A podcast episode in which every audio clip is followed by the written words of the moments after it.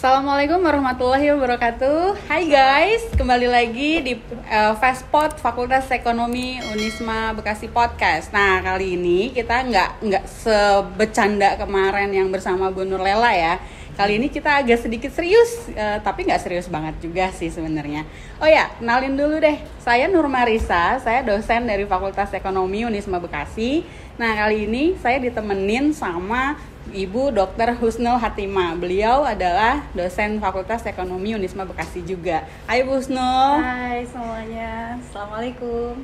Waalaikumsalam warahmatullah. Nah, kali ini kita nih mau ngomongin uh, sesuatu yang sebenarnya sih nggak nggak baru banget sih ya Bu ya, Betul. tapi uh, kayaknya penting juga nih untuk teman-teman milenial, teman-teman uh, apa yang lagi mencari-cari mau nabung apa sih gitu atau kita mau ngumpulin uang pakai apa sih? Nah, hari ini kita akan ngomongin tentang investasi untuk uh, para milenial. para milenial. Nah, untuk itu kita biarkan Bu Husnul uh, kasih tahu dulu nih ke kita kayaknya harus gimana sih Bu untuk investasi uh, untuk para milenial ini seharusnya silahkan Bu.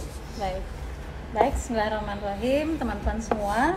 Uh, saya ingin menyampaikan beberapa hal ya. Nanti kalau Eh, kita sebagai milenial sebetulnya di di era sekarang ini dituntut untuk punya yang namanya pemahaman tentang keuangan. Jadi literasi keuangan, bagaimana uh, milenial memiliki uh, pemahaman tentang bagaimana sih menggunakan uang dengan baik. Jadi di antaranya kalau kalian memang misalkan setiap bulan diberikan uang saku oleh uh, orang tua, kemudian juga harus digunakan untuk apa dan sebagainya biasanya kan kadang orientasinya hanya jangka pendek.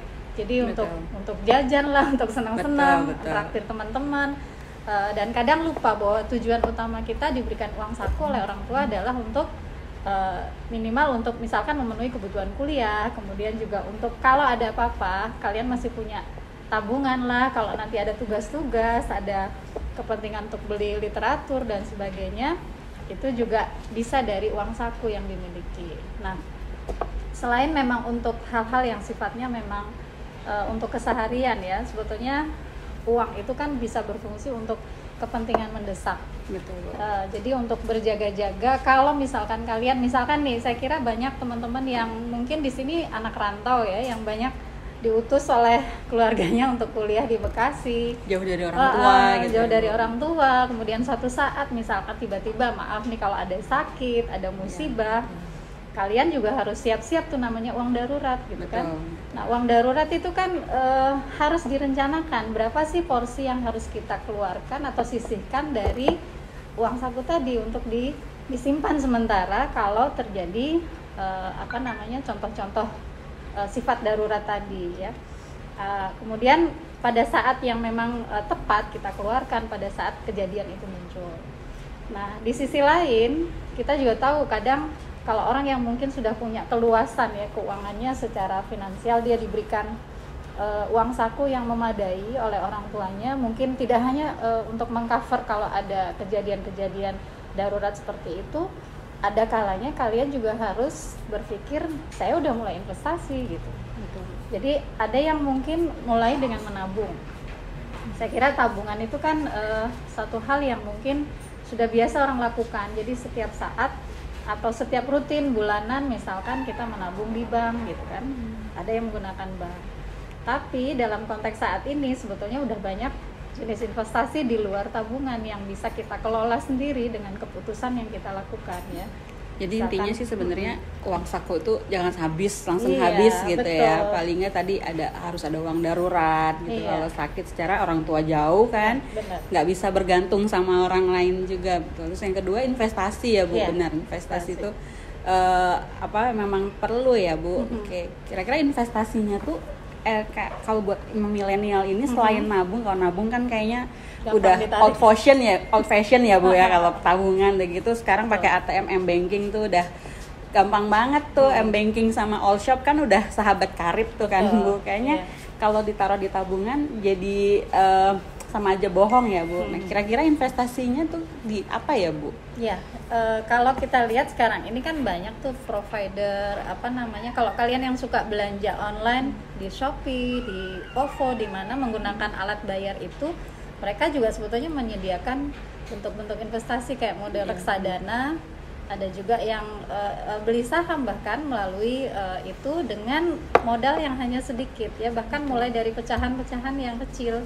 Ya kayak uang jajan kita kita lah kita kita kalian lah istilahnya. Kalau kalian diberi uang jajan atau sekali nongkrong misalkan di satu fast food di restoran kalian nongkrong bisa habis 100 ribu. Kadang-kadang juga nggak jelas juntrungannya gitu kan mau apa jajan-jajannya juga kadang mubazir. Nah mending kalian investasi dengan 100 ribu bisa beli saham atau reksadana dan bisa buka akun kan sekarang mekanismenya semua bisa melalui m-banking melalui uh, instrumen tadi alat bayar yang disediakan oleh provider all shop bahkan gitu kan yang kalian sering pakai setiap hari atau sering kali digunakan untuk uh, membeli keperluan lewat online gitu. Ya betul bu. Sekarang hmm. sih emang banyak ya bu uh, apa all shop atau mall-mall online gitu yang hmm. emang udah ada fitur investasi ya. Betul. Kebetulan semalam tuh lagi iseng lihat-lihat di, di aplikasi Gojek sih. Hmm. Ada ternyata ya Go investasi yang lihat-lihat oh ternyata memang semudah itu gitu ya, Bu. Nah, ya. cuma masalahnya kan Bu kalau kita ngomongin investasi nih kan, hmm. kita kan naruh naruh uang kita nih di di pihak lain kan. Uh, kita butuh jaminan dong bu, uang kita tuh akan gimana nih? Uh, uang kita tuh nanti bisa tetap balik atau kalau investasi kan tujuannya berkembang uangnya ya bu. Nah itu uh, kayak yang di all shop all shop gitu sebenarnya ikutan diawasi OJK atau gimana ya bu? Iya teman-teman sebetulnya uh, bisa ya mengecek kalau kita ditawarin investasi atau di aplikasi yang tersedia di handphone kita itu ada berbagai menu untuk investasi sebetulnya banyak kita bisa cek ke daftarnya di OJK ada list investasi mana sih yang masuk terlarang atau diawasi hmm. atau yang memang legal uh, dari sisi apa namanya OJK sudah mengatur dia dan mereka patuh pada aturan OJK kalau mereka masuk dalam jenis yang bodong tentunya sudah ada juga listnya okay. gitu. jadi untuk menghindari itu kalian sering-seringlah cek ke listnya OJK mana sih yang termasuk investasi bodong mana yang tidak sehingga kalian terhindar dari adanya penipuan-penipuan seperti itu. Oke intinya situ tuh kalau hmm. mau investasi cek dulu listnya di OJK gitu. Jadi ya jangan sampai kita uh, investasi di tempat-tempat yang tidak me, yang yang meragukan lah ya. Iya. jangan-jangan nanti kita udah nyisihin uang jajan yang ada uang jajan kita malah habis hilang entah ke mana gitu ya bu. iya, oke okay. terus bu uh, setelah kita tahu nih uh, apa tempat mana yang yang oke okay, gitu kita pasti kan milih nih oh yang reputasinya bagus atau apa gitu. Kan kita uh, cari return ya bu ya terutama kan. Nah uh, apalagi sih Bu yang harus kita lihat lagi nih setelah kita tahu listnya. Terus apa nih yang harus uh, yang jadi pertimbangan lagi untuk untuk kita berinvestasi itu Bu? Baik. Kalau kita melihat uh, teman-teman mungkin udah ada yang dapat mata kuliah uh, apa namanya investasi portofolio atau minimal manajemen keuangan uh, biasanya kan apa namanya perusahaan yang menerbitkan saham atau obligasi atau instrumen keuangan di pasar modal itu dia wajib melampirkan laporan keuangannya. Okay. Jadi mereka harus punya kriteria perusahaan yang sehat, yang memang eh, apa istilahnya layak lah untuk listed gitu. Nah kalau kita yang memang eh, aware dengan masalah eh, kemungkinan risiko ke depan seperti apa, hmm. kita wajib eh, apa namanya memahami gimana sih kinerja keuangan dari perusahaan yang kita bakal beli uh, ininya sahamnya. Jadi pengetahuan tentang minimal analisis rasio keuangan yang sehat tuh gimana? Okay. Kalian minimal pegang tuh baca buat, lagi buku-buku manajemen keuangan ya Bu. Iya. Rasio-rasio keuangan tuh penting. Iya, dasarnya itulah ketika kita ngambil misalkan rasio uh, likuiditasnya berapa, kemudian rentabilitasnya berapa, kemudian itu jadi dasar kan untuk karena kriteria kesehatan itu ada di situ. Kemudian selain itu juga kita lihat tracknya misalkan gini uh, apa bidang industrinya juga kita bisa jadi catatan misalkan gini saham-saham yang uh, merupakan perusahaan-perusahaan manufaktur misalkan yang produknya banyak diminati dijual ke masyarakat dan pasti konsumennya itu sudah jelas uh, setiap hari merupakan kebutuhan yang dibeli oleh mereka itu bisa jadi pilihan gitu. Okay.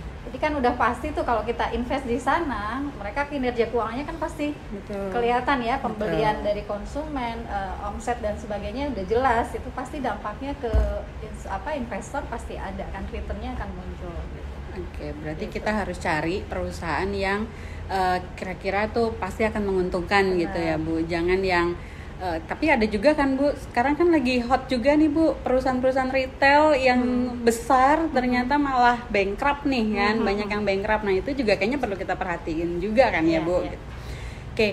Nah, uh, sekarang gini Bu, itu kan tadi kita kan ngomongin investasi secara umum ya Bu ya. hmm. ya. Nah, uh, kita kan kampus Islam nih Bu, hmm. dan kita Muslim nih. Kayak hmm. kan kita udah mulai aware dengan sesuatu yang uh, lagi banyak sih digaungin ya hmm. non riba non riba dan seterusnya gitu Betul. nah untuk investasi ini bu ada nggak sih bu yang yang syari gitu atau yang ya paling nggak kan kita pengennya yeah. Iya. uh, ada ya bu orang yang yeah. oh saya nggak mau yang konvensional gitu yeah, atau benar. apa gitu nah, kalau untuk yang syari itu gimana iya sebetulnya sejak tahun uh, eh, 2000-an ya kita udah ada pasar modal syariah ya 2002 atau 2004 ya hmm.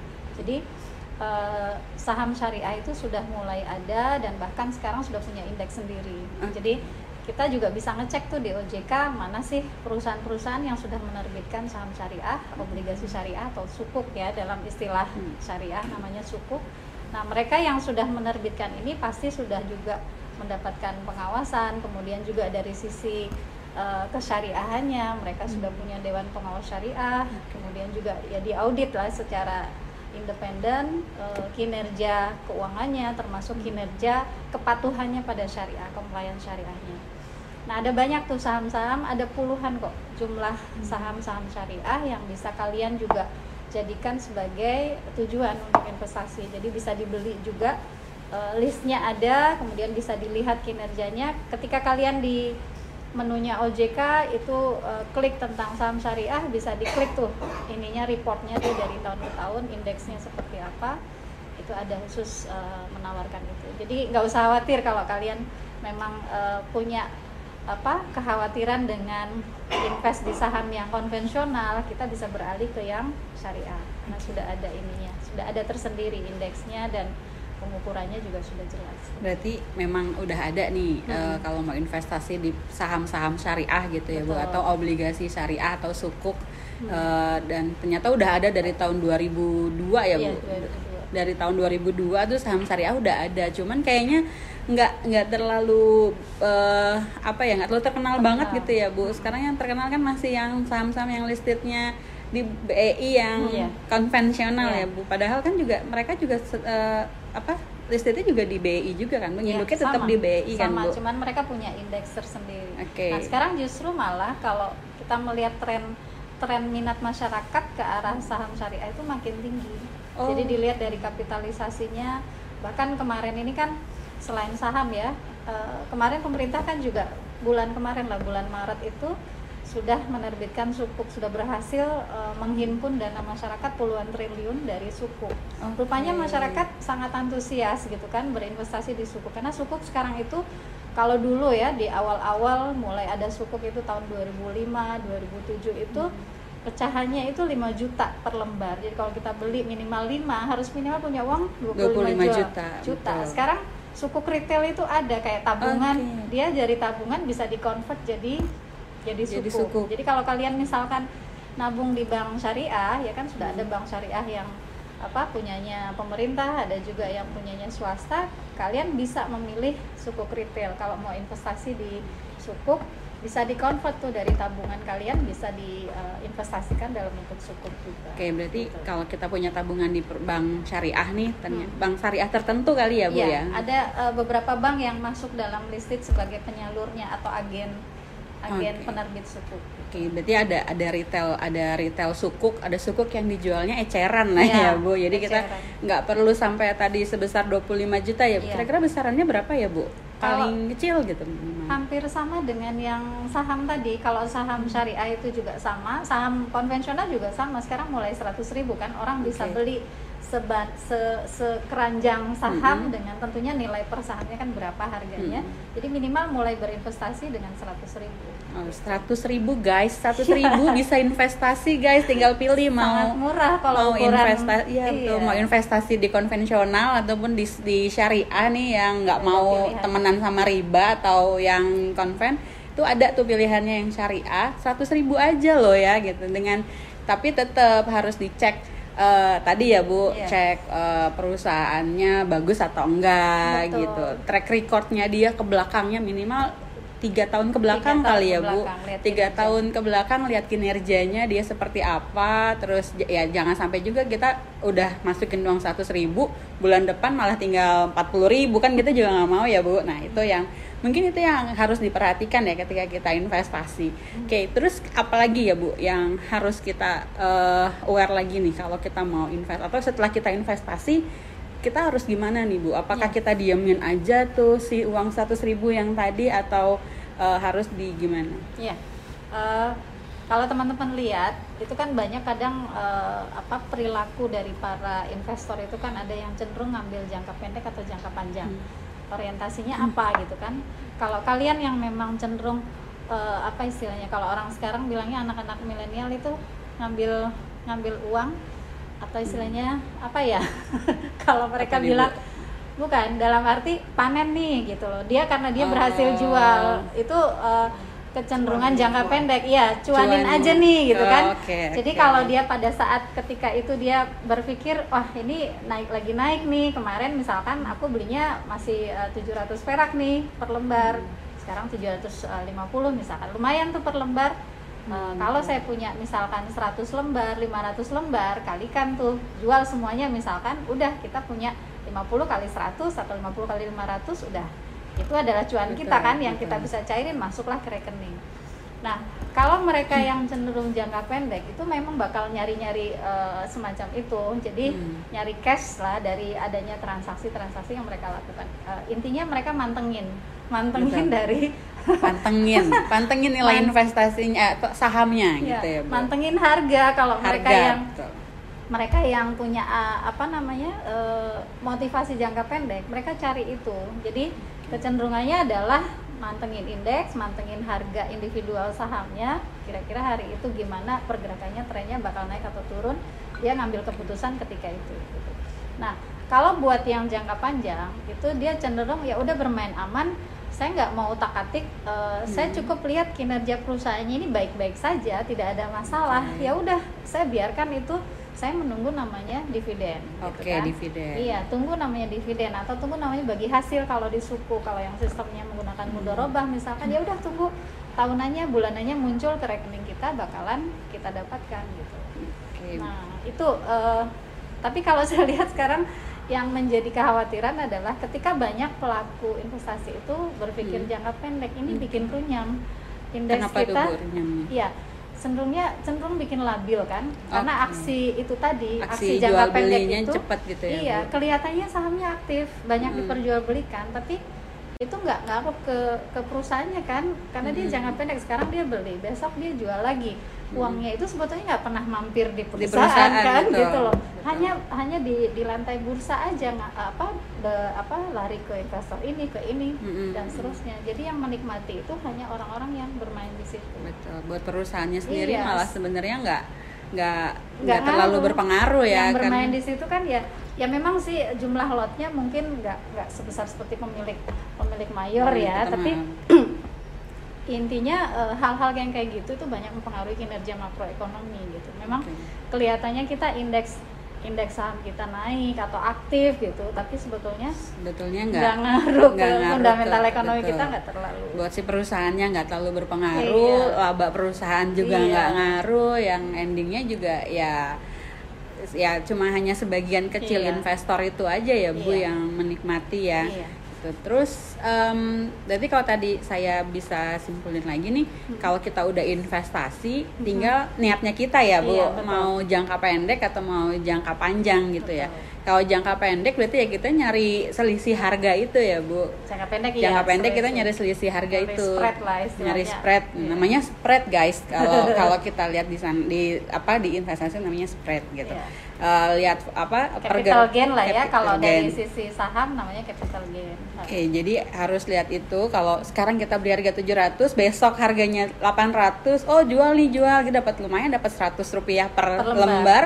Kalau kita punya 1000 lembar udah 100 ribu hmm. gitu kan. Nah, itu itu jangka pendek guys. Nah, tapi kalau misalnya tapi ternyata itu juga kurang oh kurang bagus ya Bu yeah. untuk makroekonomi kita karena indeksnya terlihat bagus karena pergerakan sahamnya itu aktif mm -hmm. gitu mungkin kan naik naik naik terus ya, iya. ya bukan nggak mungkin tuh biasanya naik, ya volumenya naik transaksi naik harganya udah otomatis biasanya juga akan iya. naik ya dan uh, apa uh, investor-investor pemula biasanya akan melihat yang seperti iya. itu ya bu godaannya gitu. memang di situ buat investor-investor yang masih cari uh, istilahnya receh ya maksudnya gini keuntungan jangka pendek itu kan memang yang diambil harian ya sifatnya yeah. mereka sekian hari dapat dapat gitu kan yang memang ingin ada cash flow masuk gitu nah itu ya ya begitu memang polanya tapi lambat laun kita bisa belajar bahwa tren itu nggak bakal bisa membuat ekonomi kita tahan terhadap situasi karena terus terang itu spekulan kan? Cenderung ke arah spekulatif dan membuat ekonomi kita jauh lebih unstable, uh, uh, tidak stabil lah. Karena yang nentuin harga ini pasar ya bu, iya, yang nentuin harga kinerja. investor ya, iya. bukan lihat dari kinerja perusahaannya Perusahaan, gitu. Ya, Jadi bisa jadi perusahaannya sebenarnya lagi rugi, tapi di lantai Karena bursa banyak yang beli, banyak yang yang terlalu sangat aktif gitu. Iya. Jadi orang-orang mikirnya ini perusahaan bagus iya. gitu ya, padahal tertutup oleh adanya itu. Iya gitu, malah itu nanti endingnya uh, jangka panjang ya iya. bu untuk makroekonomi malah akhirnya kayak gitu ya. Cuma kalau misalnya kalian pengen uh, udah deh punya uang nganggur investasiin nggak mau main-main yang kayak gitu tungguin dividen juga bisa iya, ya bu tungguin bisa. dividen tungguin bagi hasil malah kalau kalau nungguin dividen biasanya seru tuh bisa diundang di RUPS iya, ya Bu, betul. diundang di rapat umum pemegang saham. Karena walaupun kita cuma punya 100 lembar, kita iya. dianggap pemegang saham kan Bu. Ketika perusahaan RUPS, wah itu senang banget tuh kita bakal diundang tuh dapat undangan dari PT misalnya punya saham di Unilever dapat undangan dari PT Unilever dapat untuk goodie bagnya biasanya ya ada... dapat goodie bagnya goodie bagnya oke okay punya dan biasanya kalau perusahaan-perusahaan gede pasti hotel-hotel gede ya Bu iya, biasanya itu tempat pertemuannya betul, juga bisa bisa ngeksis tuh kan kalau kalau misalnya megang saham nih megang saham gitu jadi minor kan gitu. meskipun cuma 100 lembar tapi kita udah udah bisa berasa eh gue yang punya nih gitu iya. kan. Unilever gue yang punya nih gitu. Walaupun cuma 100 lembar gitu. Cuma bisa ya minimal kita apa ya dengan investasi itu kita bisa ngejaga ngejaga finansial kita ya bu tadi. Tahanan finansial kita lebih oke okay lah ketika kita punya instrumen nggak cuman nabung nggak cuma punya cash cash itu sekarang udah nggak zaman lah ya iya, betul, Bu. kalian di handphone udah bisa nyimpan betul, Bu, betul, terus Bu. kalau punya saham itu wah gue udah jadi pemilik nih oh, gitu iya, betul, Bu, itu. pemilik nggak cuma pakai misalkan sabunnya Lifebuoy atau sabunnya apa gitu kan kita jadi pemilik perusahaannya jadi kita juga turut menentukan uh, gimana sih jalannya perusahaan iya, itu betul. jadi kalau yang di rumah punya mbak pakai banyak uh, produknya misalnya nih ya produknya Unilever beli deh sahamnya Unilever biar biar makin bangga gitu oh, gue yang punya gitu ya bu. Oke okay. um, kayaknya seru lumayan seru sih ya. Iya, kayaknya nanti terus terang si bu saya juga nggak punya tuh bu investasi yang kayak gitu gitu. Oh ya ada satu lagi bu. Uh, saya pernah dengar nih kalau investasi itu uh, kalau bisa uh, jangan sampai di one bucket gitu. Hmm, jangan betul. sampai di satu keranjang ada gitu ya bu. jangan salah satu keranjang itu maksudnya ya jangan cuma di saham satu perusahaan Betul. aja gitu ya bu Ada portofolio ya ya kita mengenal memang namanya invest uh, itu bagian dari cara kita mengelola risiko kan hmm. namanya risiko itu kita nggak tahu kan ketika kita naruh di satu tempat tiba-tiba perusahaan itu misalkan mengalami masalah ya rugilah kita di situ betul jadi kalau naruh telur itu jangan di satu keranjang jangan satu keranjang taruhlah di beberapa tempat yang kira-kira memang tadi uh, pertimbangannya ya tadi kan kinerja perusahaannya hmm. bagus hmm. Risikonya dilihat juga berapa lama mereka sudah bertahan. Jadi kalau ngecek kita lihat dari kapan perusahaan itu berdiri, kemudian okay. produknya gimana, kinerja keuangannya gimana, hmm. itu tiga catatan penting.